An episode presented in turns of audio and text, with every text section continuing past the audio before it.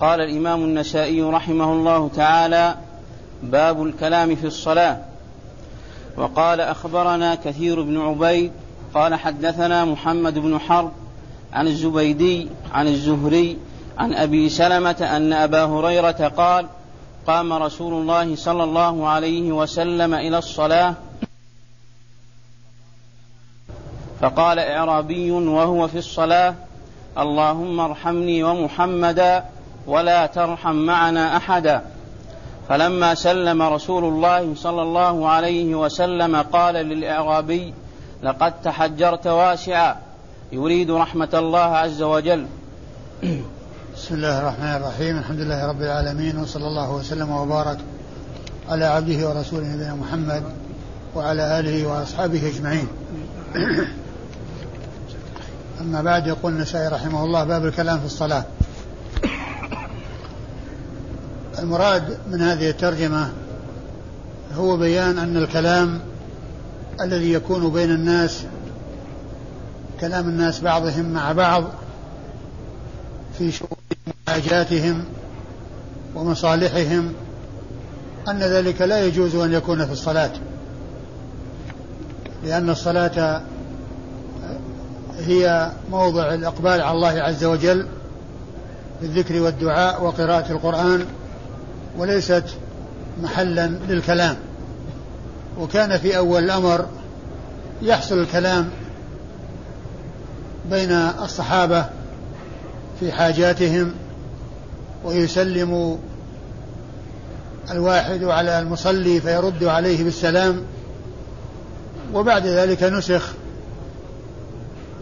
هذا الحكم فصار ذلك ممنوعا في الصلاة. وإنما الصلاة مقصورة على قراءة القرآن وعلى ذكر الله عز وجل والتسبيح والتهليل والتكبير وما إلى ذلك من الأمور المشروعة. أما كلام الناس بعضهم مع بعض فإن ذلك لا يسوغ ولا يجوز وكان ذلك سائغا في أول الأمر ثم أنه نسخ كما يأتي في الأحاديث. في هذا الباب عند النسائي. وقد ورد النسائي حديث أبي هريرة رضي الله عنه أن أن النبي عليه الصلاة والسلام قام إلى الصلاة وقاموا معه في الصلاة فقال أعرابي اللهم ارحمني ومحمدا ولا ترحم معنا أحدا. فلما فرغ رسول الله صلى الله عليه وسلم من الصلاة وسلم قال للأعرابي لقد تحجرت واسعا. يعني رحمة الله عز وجل حيث قال اللهم ارحمني ومحمدا ولا ترحم معنا أحدا. التحجر في قوله ولا ترحم معنا أحدا يعني معناه أنه يقصر الرحمة عليهما. والله عز وجل يقول ورحمتي وسعت كل شيء. ورحمتي وسعت كل شيء. فكون هذا الأعرابي قال ولا ترحم معنا أحدا أي أن الرحمة تقصر عليه وعلى رسول الله عليه الصلاة والسلام. قال لقد تحجرت واسعا. ورحمة الله تعالى وسعت كل شيء. فكون الإنسان يطلب أنها تختص به وبمن يريد هذا هو التحجر التحجر الواسع. رحمة الله واسعة وسعت. فكون هذا الأعرابي يطلب أن تكون له ولرسول الله عليه الصلاة والسلام خاصة هذا هو التحجر.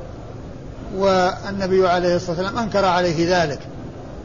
ويمكن الإنسان يسأل له ولغيره لكن لا يسأل أن يكون ذلك الحكم مقصورا عليه.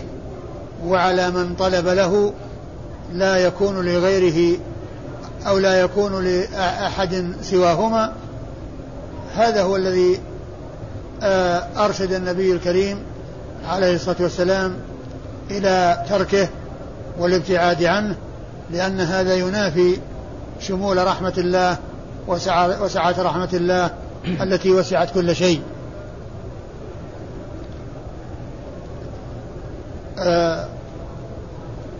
والنبي عليه الصلاة والسلام ما كلمه في الصلاة. ما قال لقد تحجرت واسعا وهو في الصلاة. وإنما قال ذلك لما فرغ.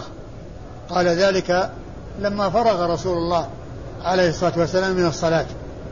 وذلك لأن الكلام في الصلاة لا يسوغ وكان سائغا أولا ثم إنه نسخ كما سيأتي في الأحاديث التي بعد هذا.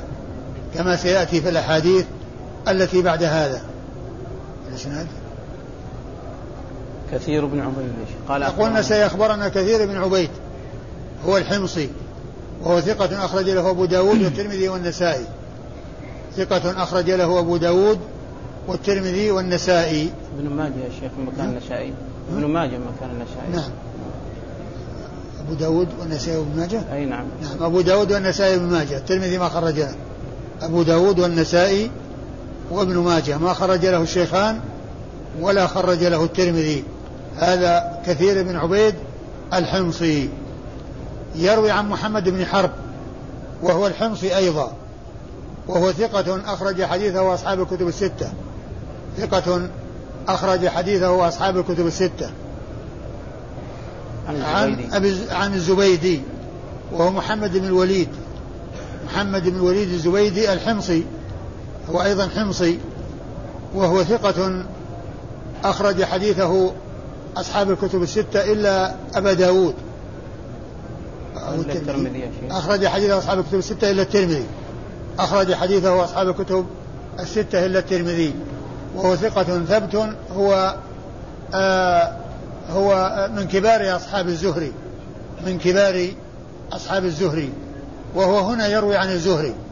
وهو هنا يروي عن الزهري وهو من كبار أصحابه أي الزبيدي الحمصي. والزهري هو محمد بن مسلم بن عبيد الله ابن عبد الله بن شهاب ابن عبد الله بن الحارث بن زهرة بن كلاب. وهو ثقة فقيه محدث إمام مكثر من رواية حديث رسول الله صلى الله عليه وسلم. وهو الذي قام بجمع السنة وتدوينها بتكليف من الخليفة عمر بن عبد العزيز رحمة الله عليه وقد قال فيه السيوطي في الألفية أول جامع الحديث والأثر ابن شهاب آمر له عمر. أول جامع الحديث والأثر ابن شهاب آمر له عمر. أي أنه قام بذلك آه، بتكليف من السلطان بتكليف من ولي الأمر. أما الجهود الفردية وقيام آه، بعض آه، السلف بتدوين السنة وتدوين الأحاديث لأنفسهم فهذا موجود في زمن الصحابة وموجود وقد فعله بعض الصحابة مثل عبد الله بن عمرو بن العاص فإنه كان يكتب حديث رسول الله عليه الصلاة والسلام. ولكن الذي حصل من الخليفة عمر بن عبد العزيز هو كونه حصل بتكليف من ولي الأمر. كلف الزهري بجمع الأحاديث وجمع السنة. وهو, كما قلت قال السيوطي قال السيوطي في الألفية أول جامع الحديث والأثر ابن شهاب آمر له عمر. وحديث الزهري أخرجه أصحاب الكتب الستة. أخرجه أصحاب الكتب الستة. عن أبي سلمة. عن أبي سلمة بن عبد الرحمن بن عوف. أبي سلمة بن عبد الرحمن أبي سلمة بن عبد الرحمن بن عوف المدني وهو ثقة أخرج حديثه أصحاب الكتب الستة وهو أحد الفقهاء السبعة في المدينة في عصر التابعين على أحد الأقوال في السابع منهم. لأن الفقهاء السبعة في المدينة هم عبيد الله بن عبد الله بن عتبة بن مسعود وعروة بن الزبير بن العوام وسعيد آه، وسعيد بن المسيب وخارجة بن زيد بن ثابت وسليمان بن يسار والقاسم بن محمد بن أبي بكر الصديق. هؤلاء ستة متفق على عدهم في الوقاية السبعة. والسابع فيه ثلاثة أقوال. قيل أبو سلمة بن عبد الرحمن بن عوف هذا الذي معنا وقيل أبو بكر بن عبد الرحمن بن الحارث بن هشام وقيل سالم بن عبد الله بن عمر بن الخطاب. آه يروي عن أبي هريرة وأبو هريرة هو عبد الرحمن بن صخر الدوسي صاحب رسول الله عليه الصلاة والسلام وأكثر الصحابة على الإطلاق حديثا عن رسول الله صلى الله عليه وسلم. والمكثرون من الصحابة سبعة وأكثرهم أبو هريرة. وقد جمعهم السيوطي في الألفية بقوله والمكثرون في رواية الأثر أبو هريرة يليه بن عمر وأنس والبحر كالخدري وجابر وزوجة النبي فأبو هريرة هو أولهم وهو أكثرهم حديثا. وقد ذكرت فيما مضى أن سبب كثرة حديثه آه، لها أسباب. منها أولا ملازمته النبي عليه الصلاة والسلام. فكان معه يذهب معه ويأكل معه ويأكل ويشرب إذا شرب ملازم رسول الله عليه الصلاة والسلام. فيسأله ويجيبه النبي عليه الصلاة والسلام ويسأل والنبي صلى الله عليه وسلم يجيب من سأله وأبو هريرة يسمع. ثم أيضا دعاء النبي عليه الصلاة والسلام له بالحفظ. وكذلك أيضا كونه بقي في المدينة واستمر في المدينة والمدينة يقصدها الناس ويأتون إليها فيأخذون ما مما عنده. ويسمعونه ما عندهم فكان هذه فكانت هذه الأمور وغيرها من أسباب كثرة حديثه وكونه آآ آآ أكثر الصحابة. وإن كان قد تأخر إسلامه وكان إسلامه عمل عمل خيبر. ولكن هذه المدة التي بعد خيبر لازم فيها النبي عليه الصلاة والسلام فحصل على الحديث على فسمع الحديث الكثير من رسول الله عليه الصلاة والسلام سمع منه ومن أصحابه لأنه كما عرفنا مراسيل الصحابة آآ آآ معتبرة لأنهم لا يأخذون غالبا إلا عن الصحابة رضي الله تعالى عنهم أجمعين. وهذا الإسناد ستة مكون من ستة ثلاثة حمصيون وثلاثة مدنيون. فالحمصيون هم كثير بن عبيد ومحمد بن حرب والزبيدي محمد بن الوليد. والمدنيون هم الزهري وأبو سلمة بن عبد الرحمن بن عوف وأبو هريرة رضي الله تعالى عنه. نصف الإسناد حمصيون ونصفه مدنيون.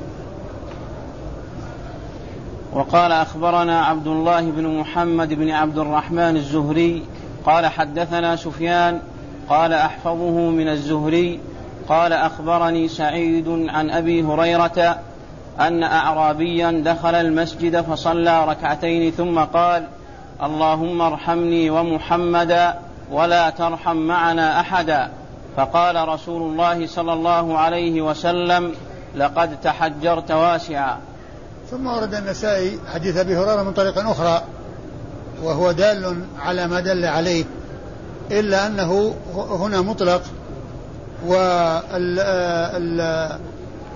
والحديث الذي قبله إنه لما سلم رسول الله من الصلاة قال له لقد تحجرت واسعا ومعنى ذلك أن الصلاة لا يتكلم فيها بشيء من كلام الناس وإنما الكلام إنما هو في قراءة القرآن آه، إنما هو في قراءة القرآن والذكر والدعاء والتسبيح والتهليل والتكبير من الأمور التي هي أما كلام الناس فيما بينهم فهذا مما كان موجودا في أول الأمر ثم أنه نسخ وصار الحكم الشرعي هو تحريم الكلام في الصلاة أي الكلام الذي هو كلام الناس فيما بينهم.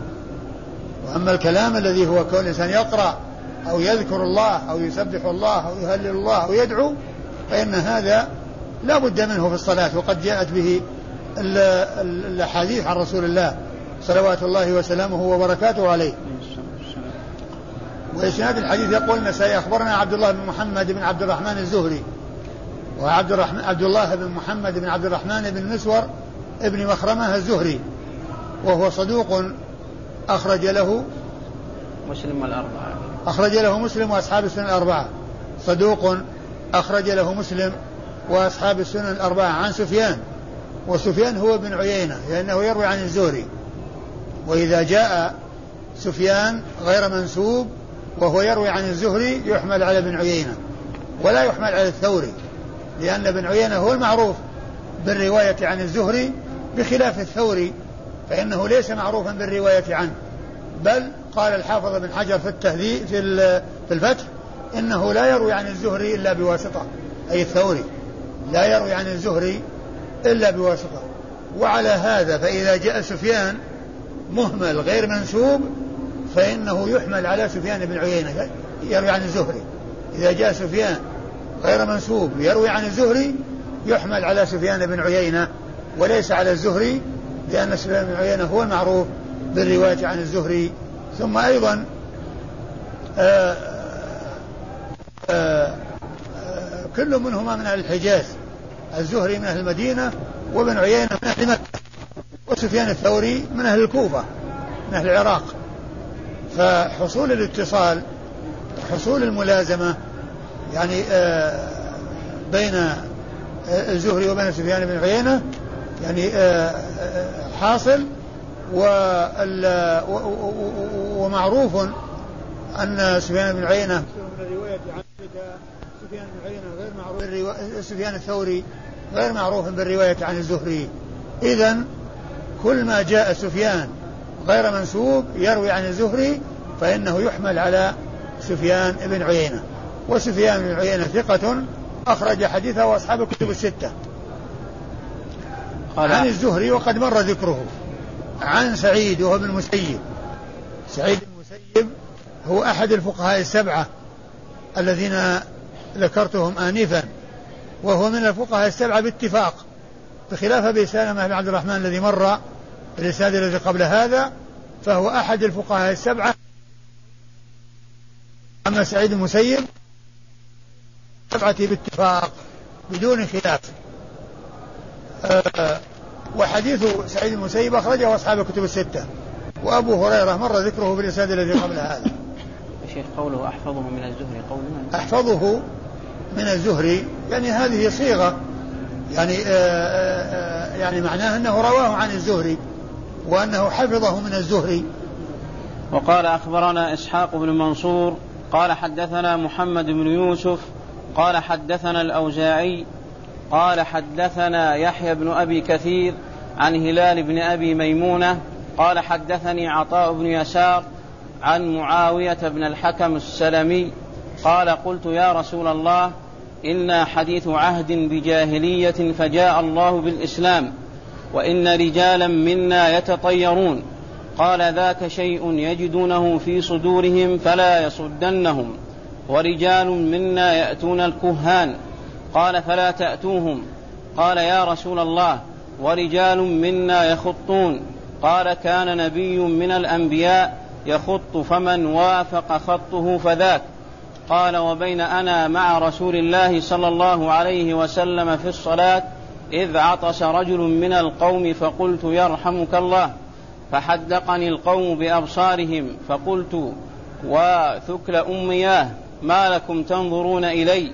قال فضرب القوم بأيديهم على أفخاذهم فلما رأيتهم يسكتوني لكني سكت فلما انصرف رسول الله صلى الله عليه وسلم دعاني بأبي وأمي هو ما ضربني ولا كهرني ولا سبني ما رأيت معلما قبله ولا بعده أحسن تعليما منه. قال إن صلاتنا هذه لا يصلح فيها شيء من كلام الناس إنما هو التسبيح والتكبير وتلاوة القرآن. قال ثم اطلعت إلى غنيمة إلي ترعاها جارية لي. ثم طلعت إلى غنيمة لي. لي نعم. لي ترعاها جارية لي في قبل أحد والجوانية. ثم طلعت إلى إلى غنيمة. أي نعم غنيمة لي ترعاها جارية. نعم. لي في قبل أحد والجوانية وإني اطلعت فوجدت الذئب قد ذهب منها بشاة وأنا رجل من بني آدم آسف كما يأسفون فسككتها سكة ثم انصرفت إلى رسول الله صلى الله عليه وسلم فأخبرته فعظ فعظم ذلك علي فقلت يا رسول الله أفلا أعتقها؟ قال ادعها. فقال لها رسول الله صلى الله عليه وسلم أين الله عز وجل؟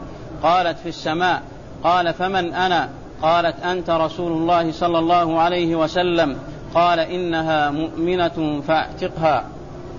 ثم ورد النسائي حديث معاوية بن الحكم السلمي رضي الله تعالى عنه أن أنه جاء إلى النبي عليه الصلاة والسلام وسأله أسئلة منها ما يتعلق بالموضوع الذي ترجم له النسائي وهو الكلام في الصلاة ومنها ما يتعلق بأسئلة أخرى تتعلق بالتطير وتتعلق بالكهانة والإتيان الكهان وكذلك الخط في الرمل. سأله هذه الأسئلة وأجابه رسول الله عليه الصلاة والسلام على هذه الأسئلة التي سألها. ثم إنه في وهو يصلي معه عطس رجل من القوم فشمته. ومن المعلوم أن التشميت هو كلام من كلام الناس يخاطب يعني يخاطب شخصا. إذا قال يرحمك الله يخاطب شخصا. ويعتبر من كلام الناس. يعتبر من كلام الناس بعضهم مع بعض.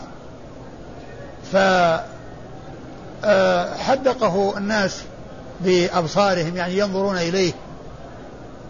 فلما رآهم ينظرون إليه قال واثكل أمياه ما لكم تنظرون إلي؟ يعني فزاد أولا قال يرحمك الله فأتى بهذه الزيادة كلام آخر واثكل أمياه ما لكم تنظرون إلي؟ كلام في الصلاة أول ثم أضاف إليه كلاما آخر. فلما رآهم يعني جعلوا يضربون على أفخاذهم يسكتونه لأنهم لا يتكلمون في الصلاة. وإنما آه، يريدون منه أن يسكت فسكت. فسكت. ثم لما فرغ رسول الله عليه الصلاة والسلام من الصلاة دعاه وقال إن صلاتنا هذه لا يصلح فيها شيء من كلام الناس. لا يصلح فيها شيء من كلام الناس. إنما هو التسبيح والتهليل وقراءة القرآن. يعني هذا هو الذي آه، يكون في الصلاة. تسبيح وتهليل وذكر ودعاء وقراءة قرآن. هذا هو الذي يصلح من الكلام في الصلاة. أما كلام الناس بعضهم مع بعض وتحدث بعضهم إلى بعض وسؤال بعضهم إلى بعض وخطاب بعضهم لبعض فهذا لا يسوء. وكما يعني سيأتي كان هذا سائغا في أول الأمر. يعني الرجل يحدث صاحبه حتى نزل قول الله عز وجل حافظوا على الصلاة والصلاة الوسطى الصلوات والصلاة الوسطى وقوموا الله قانتين قال أمرنا بالسكوت ونهينا عن الكلام. فأمرنا بالسكوت ونهينا عن الكلام يعني آه الذي يكون فيما بينهم. فحديث معاوية بن الحكم السلمي واضح الدلالة على ما ترجم له النسائي وهو الكلام في الصلاة أي أن ذلك لا يسوق ولا يجوز. والمراد به الكلام الذي هو كلام الناس فيما بينهم.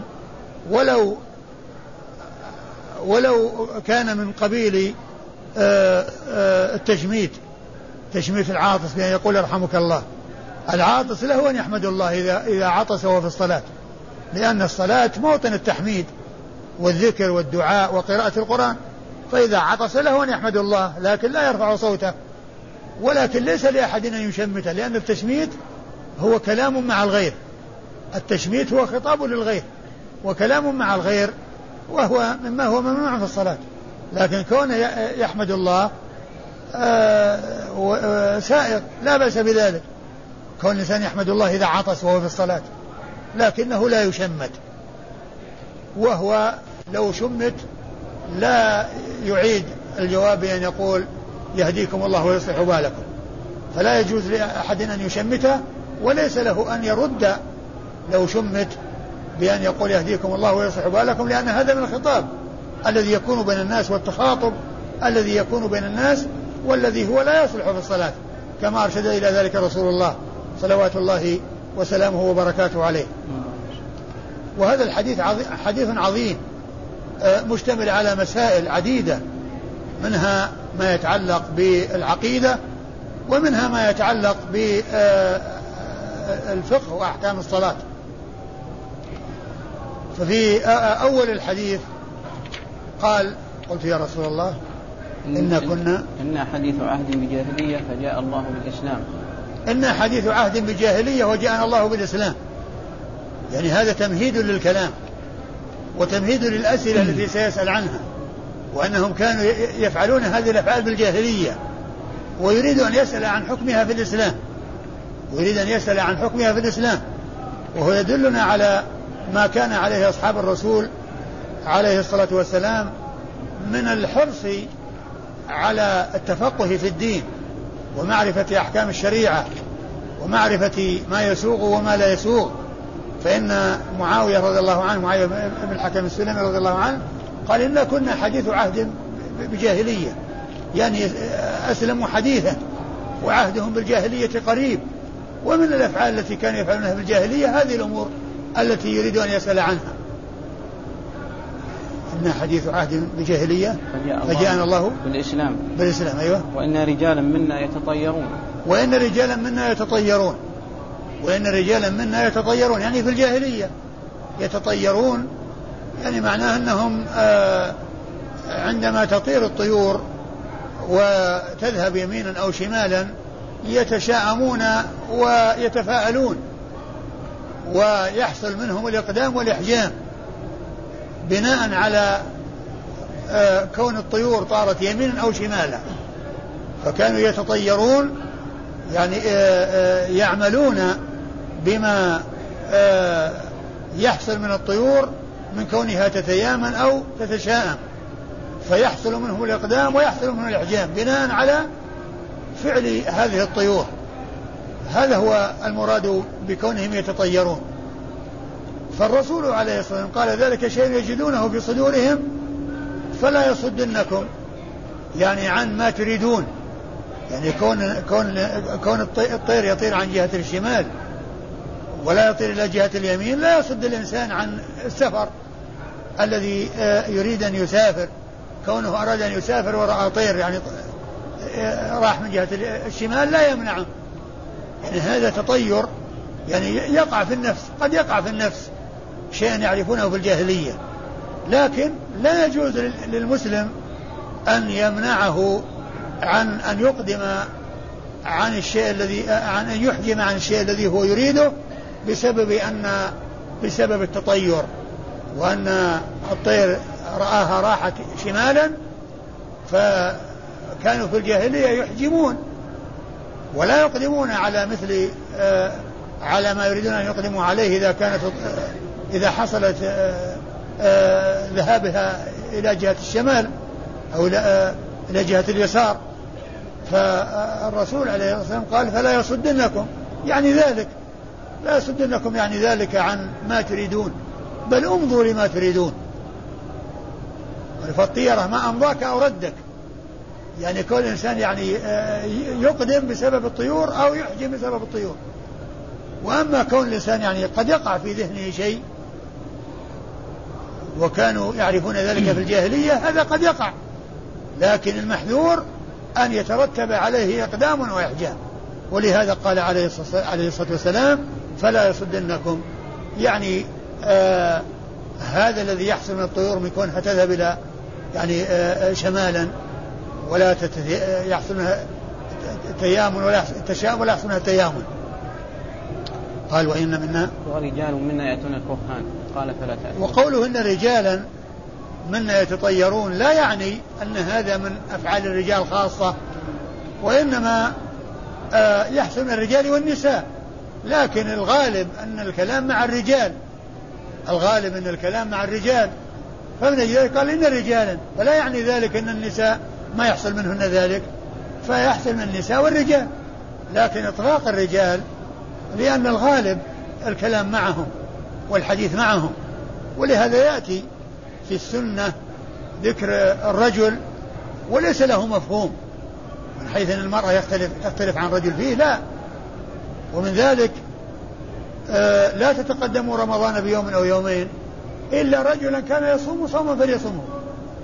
فقوله عليه الصلاة والسلام إلا رجلا ليس من ذلك أن المرأة تختلف وأن المرأة التي كانت معتادة أن تصوم يوم الاثنين ووافق يوم ثلاثين.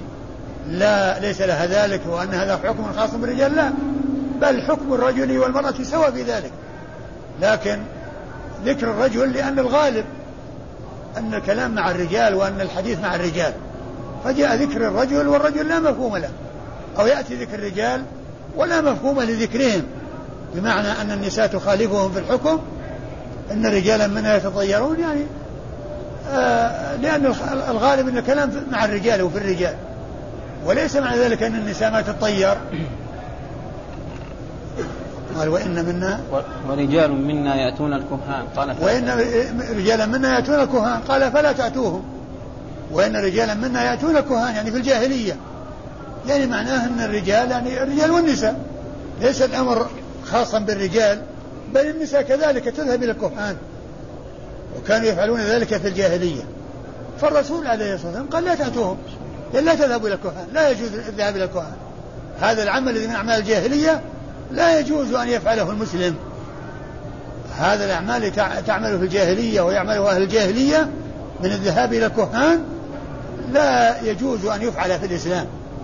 وإذا وجد فهو ارتكاب محرم ووقوع في محظور. جاءت الشريعة في منعه. وقد جاءت الأحاديث يعني عن رسول الله عليه الصلاة والسلام من أتى كاهنا لم تقبل له صلاة أربعين يوما. من أتى كاهنا فصدقه بما يقول فقد كفر بما أنزل على محمد صلى الله عليه وسلم.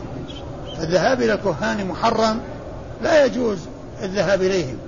والكهان هم من شياطين الإنس. يعني هم هم أناس من شياطين الإنس. رجال أو نساء. يعني يتعاونون أو يتعاون معهم من شياطين الجن. يعني آه، شياطين الإنس مع شياطين الجن. يعني يحصل منهم الوقوع أو عمل يعني هذه الأشياء التي يكون منها إخبار عن مغيبات أو اطلاع على مغيبات أو ما إلى ذلك. ومن المعلوم أن الشياطين من الجن عندهم حركة وانتقال فيطلعون على الشيء الذي يمكنهم الاطلاع عليه ويأتون إلى إخوانهم من شياطين الإنس اللي هم الكهان فيخبرونهم بالشيء الذي آه، يخبرونهم به. ومن المعلوم أن آه، آه، علم المغيبات هي من خصائص الله عز وجل. والجن لا يطلعون أيضا على كل مغيب وإنما الشيء الذي يمكنهم أن يطلعوا عليه ويشاء الله أن يطلعهم عليه يطلعوا عليه يطلعون عليه لحركتهم وسرعة حركتهم وانتقالهم. لكن قد يحصل منهم أنه آه آه، لا يتمكنون من الوصول إلى ذلك المغيب. ومن المعلوم أن الرسول عليه الصلاة والسلام لما بعث والجن يعني حصل يعني آه، لهم قالوا إنه يعني إنه حصل حدث فصاروا يبحثون وأرسلوا وفود يمين وشمالا يبحثون إيش حصل حتى الوفد الذي جاء إلى تهامة التقى بالرسول صلى الله عليه وسلم وهو في طريقه إلى سوق من أسواق العرب ليدعوهم إلى الإسلام فقرأ عليهم القرآن كما جاء ذلك في الحديث وكما جاء آه، في القرآن الكريم آه، مجيء آه، جماعة من الجن وسماعهم القرآن من رسول الله صلى الله عليه وسلم ثم أنهم رجعوا إلى قومهم منذرين. ثم أيضا ما ذكره الله عز وجل عن الجن الذين سخروا لسليمان بن داود عليه الصلاة والسلام. فإن فإنه لما مات ما عرفوا موته إلا بعدما آه، أكلت دابة الأرض من سأته فخر كما قال الله عز وجل فلما قضينا عليه الموت ما دلهم على موته إلا دابة تأكل من فلما خر تبينت الجن أن لو كانوا يعلمون الغيب. ما لبثوا في العذاب المهين. أن لو كانوا يعلمون الغيب ما لبثوا في العذاب المهين. لكن لحركتهم قد ينتقلون من مكان إلى مكان ويعرفون الشيء اللي في المكان فيأتي الشيطان من الجن إلى الشيطان من الإنس ويخبره. فهؤلاء هم الكهان الذين يعني يدعون علم مغيبات ويخبرون بأمور مغيبات عن طريق إخوانهم من شياطين الجن. شياطين الإنس أو جماعة من شياطين الإنس يستعينون بجماعة من شياطين الجن فيخبرونهم. ولهذا لا يجوز الذهاب إليهم. لا يجوز الذهاب إليهم. وتجب عقوبتهم ومنعهم. يعني من ذلك من, من, من, من الوقوع. يعني في هذا الأمر المحرم. وكذلك أيضا أخذهم العوض على ذلك أيضا هو حرام. يعني كونهم يأخذون شيئا مقابل كهانتهم هو حرام. لا يسوق ولا يجوز.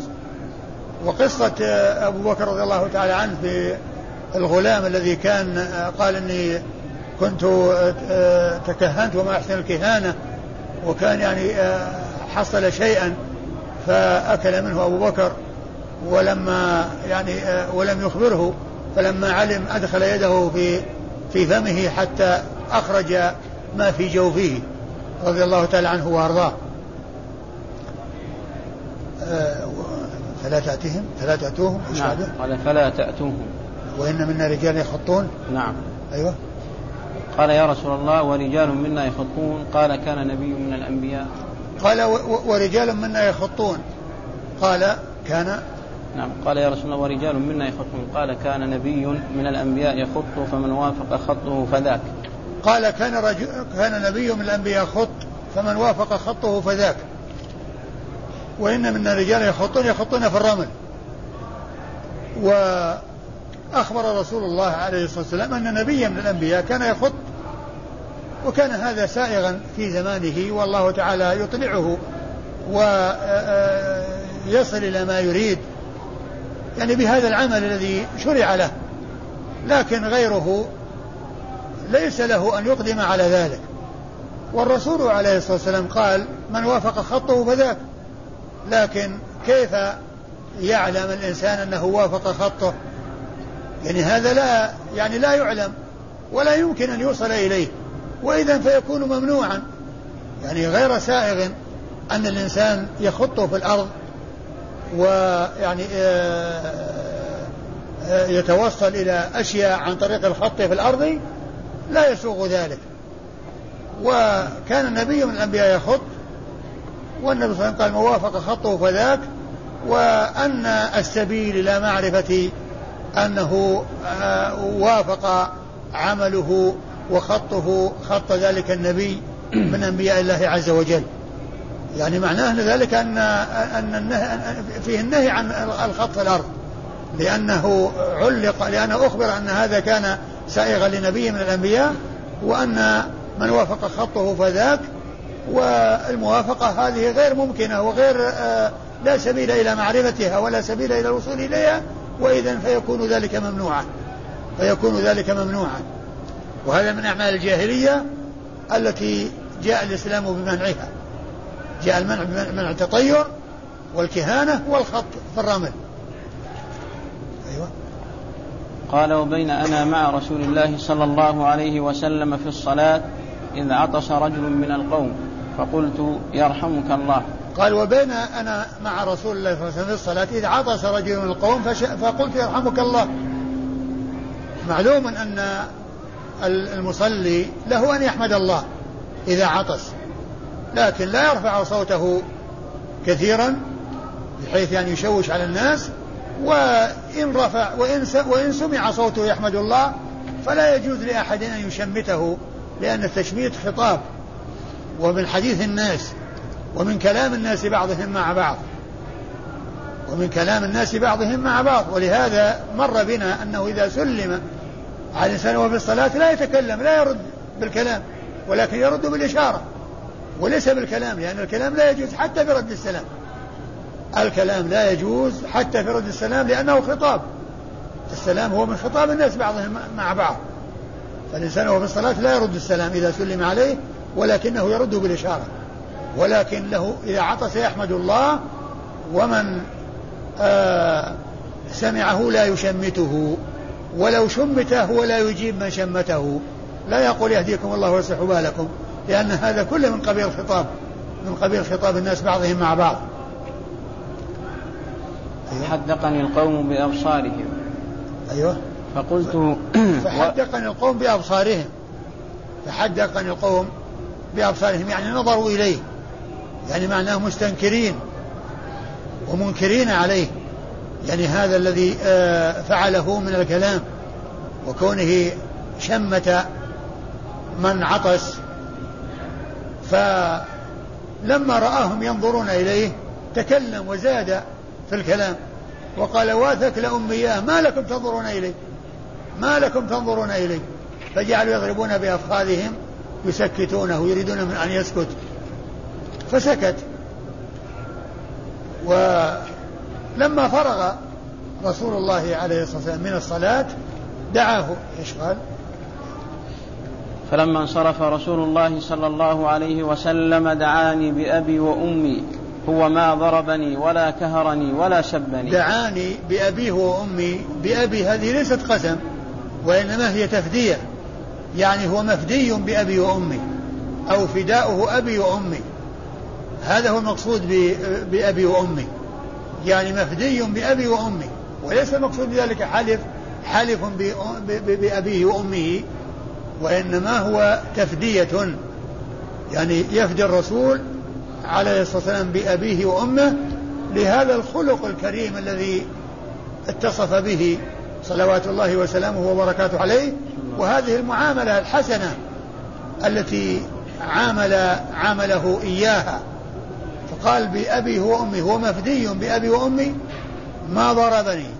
يعني ما ضرب ما أدبه بالضرب ولا كهرني يعني أنه نهره أو اكفهر في وجهه أو عبس في وجهه ما حصل منه مسبة له ولوم يعني وإنما قال له إن صلاتنا هذه لا يصلح فيها شيء من كلام الناس.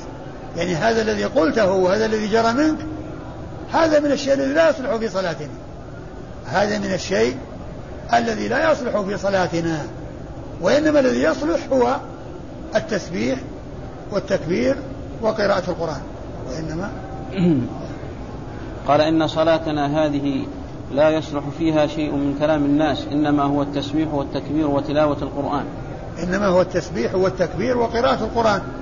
الإنسان يسبح في الصلاة يقول سبحان ربي العظيم سبحان ربي الأعلى ويكبر في, في, في التنقلات والانتقال من من ركن إلى ركن من من من هيئة إلى هيئة ما عدا القيام الركوع كما عرفنا ذلك من قبل. و آه، وقراءة القرآن في حال القيام. وقراءة القرآن في حال القيام.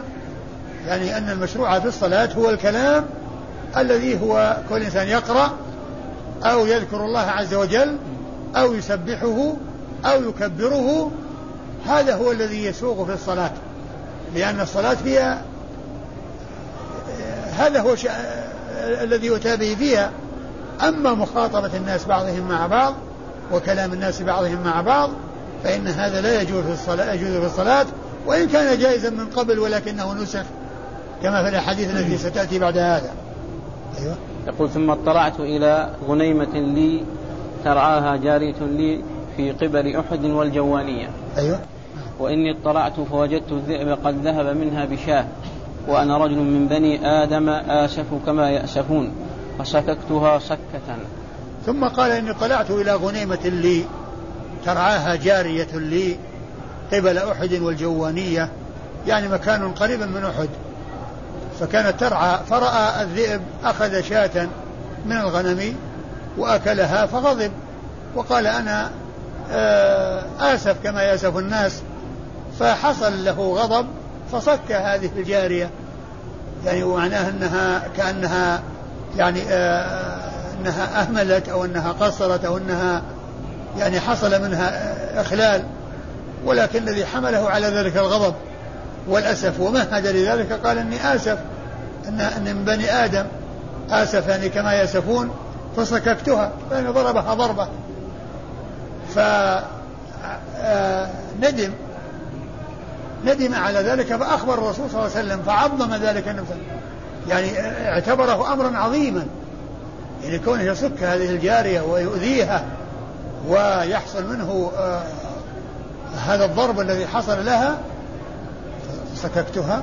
نعم أيوة. سكتها سكة. أيوة. ثم انصرفت إلى رسول الله صلى الله عليه وسلم فأخبرته. فعظم ذلك عليه. فقلت يا رسول الله أفلا أعتق عظم ذلك عليه يعني أن الذي فعلته أمر عظيم. يعني كونك صككتها هذا عمل عظيم ليس بالهين هذا أمر خطير. إساءة إساءة إلى المملوك الذي يجب الإحسان إليه. والنبي عليه الصلاة والسلام كان أوصى بالمملوكين وكان هذا من آخر ما أصابه. عليه الصلاة والسلام كما جاء في حديث علي رضي الله عنه أنه قال إن سمعت رسول الله صلى الله عليه وسلم يقول يعني في مرض موته الصلاة الصلاة وما ملكت أيمانكم. يعني يحثهم على الصلاة وعلى الرفق ب وعلى الإحسان بملك اليمين. قال علي رضي الله عنه هؤلاء الكلمات هن آخر ما سمعته من رسول الله صلى الله عليه وسلم. الصلاة الصلاة وما ملكت أيمانكم. يعني فعظم هذا العمل يعني إنه عظيم ويعني أمر خطير كونه يؤذي هذه الجارية ويسيء إليها والواجب عليه أن يحسن إليها ولا يسيء إليها. قال يا رسول الله فقلت يا رسول الله أفلا أعتقها؟ قلت يا رسول الله أفلا أعتقها؟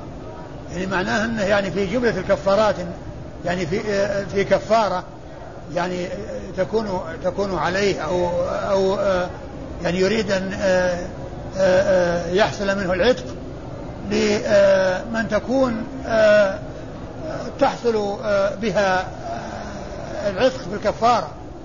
يعني تكون مؤمنة. أن تكون مؤمنة. يعني رقبة مؤمنة عتق رقبة مؤمنة. يعني في كفارة من الكفارات. فالنبي صلى الله عليه وسلم دعاها طلبها حتى يعرف أنها مؤمنة وأنها مسلمة. فقال لها أين الله؟ فقالت في السماء.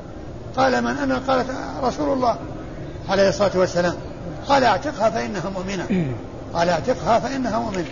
وسؤال النبي صلى الله عليه وسلم إياها أين الله؟ هذا يدلنا على أن مثل هذا السؤال سائغ وأنه لا ينكر. وقد فعله رسول الله عليه الصلاة والسلام وهو أعلم الناس بالله عز وجل وأعلم الناس بما يجب له وبما يمتنع عليه. و آه قد جاءت الآيات الكريمات وتضافرت النصوص السنة آه، على استواء الله على عرشه وعلى علوه فوق عباده وأنه سبحانه وتعالى هو العلي الكبير هو العلي العظيم وأنه الكبير المتعال فهو عال على خلقه فوق عرشه. والنبي عليه الصلاة والسلام لما سأل الجارية قال أين الله؟ قال في السماء. والله عز وجل يقول آمنتم من في السماء. أن يخسف بكم الأرض. والمراد بالسماء هو العلو. لأن السماء هو العلو. ليس المراد بالسماء دائما وأبدا السماوات المبنية السبع الشداد التي خلقها الله تعالى فوقنا. فإن السماء تطلق على السماء المبنية وتطلق على جهة العلو. وتطلق على جهة العلو. كل ما علا يقال له سماء. كل ما علا يقال له سماء ومن المعلوم أن ما فوق العرش هو سماء والله عز وجل فوق العرش فهو في السماء بهذا بهذا المعنى. يعني فوق العرش في السماء. وإن أريد به السماوات المبنية فإن كلمة في بمعنى على يعني معناها على السماوات على السماوات المبنية يعني فوقها وليس فيها. الله عز وجل لا يكون حالا في المخلوقات. والمخلوقات يعني آه، حقيرة وليست بشيء أمام عظمة الله عز وجل. ويوضح ذلك ما جاء عن ابن عباس رضي الله عنه ما السماوات السبع والأرضين سبع في كف الرحمن إلا كالخردلة في كف أحدنا ولله المثل الأعلى. فالله عز وجل آه، هو الكبير المتعال والسماوات والأرضين كلها ليست بشيء أمام عظمته وجلاله وكبريائه سبحانه وتعالى. والله تعالى في السماء كما أخبر عن نفسه قال أمنتم من في السماء؟ وحيث سأل الرسول صلى الله عليه وسلم الجارية وقال أين الله؟ وقالت في السماء. فأقرها على ذلك رسول الله صلى الله عليه وسلم وقال اعتقها فإنها مؤمنة. وبعض المتكلمين يقولون أن مثل هذا الكلام أنه لا يسأل. عن أين الله؟ فلا يقال أين الله. وقال أن هذا يترتب عليه أن يكون الله تعالى في جهة. وكلمة في جهة كلمة محتملة لحق وباطل. إن يريد بالجهة أن الله تعالى في شيء مخلوق وأن السماوات تحويه فهذا باطل. وهذا المعنى ليس بصحيح. والله تعالى ليس بجهة بهذا المعنى. وإن يريد به أنه فوق العرش وأنه آه، فوق السماوات وفوق العرش فهذا المعنى صحيح. لكن لفظ الجهة يحتمل الحق ويحتمل الباطل. فإذا أريد هذا المعنى فهذا المعنى صحيح. الله تعالى فوق العرش فوق عباده. وهذا وسؤال النبي صلى الله عليه وسلم لهذه الجارية بهذا السؤال يدلنا على أنه يجوز أن يسأل عن مثل هذا السؤال. وليس في ذلك آآ آآ آآ شيء محذور.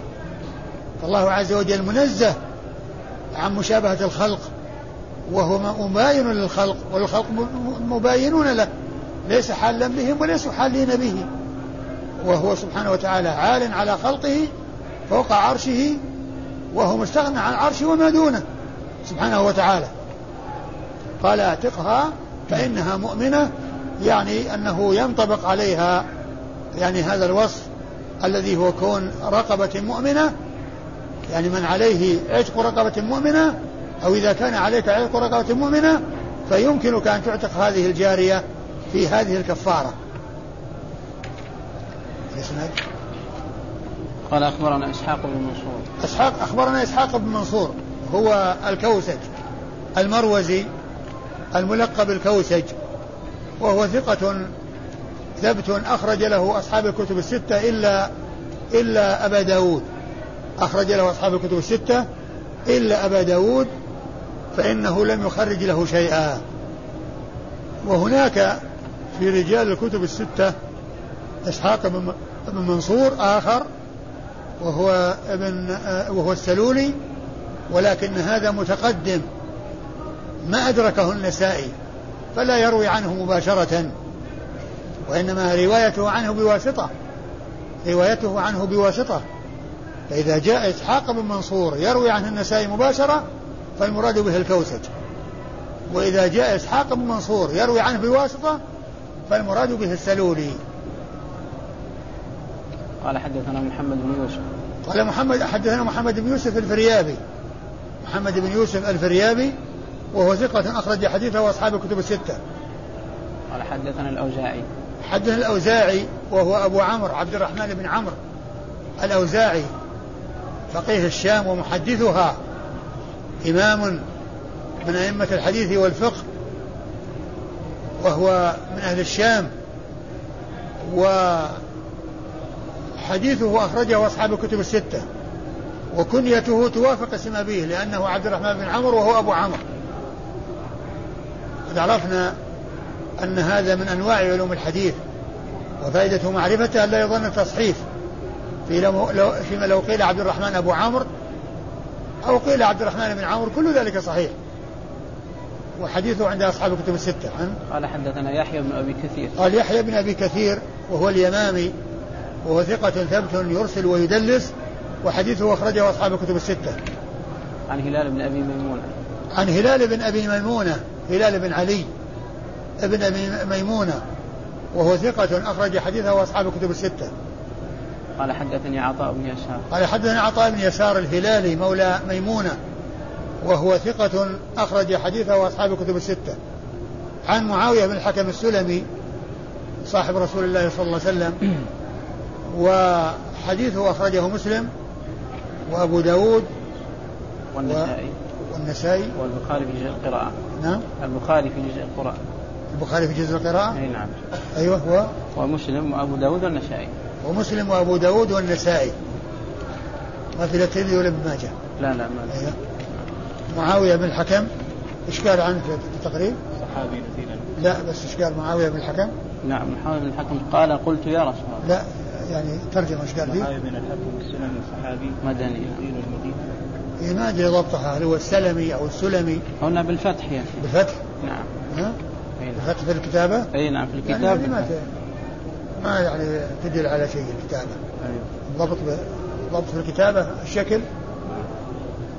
ما أدري يعني هل هو السلمي ولا السلمي؟ نعم.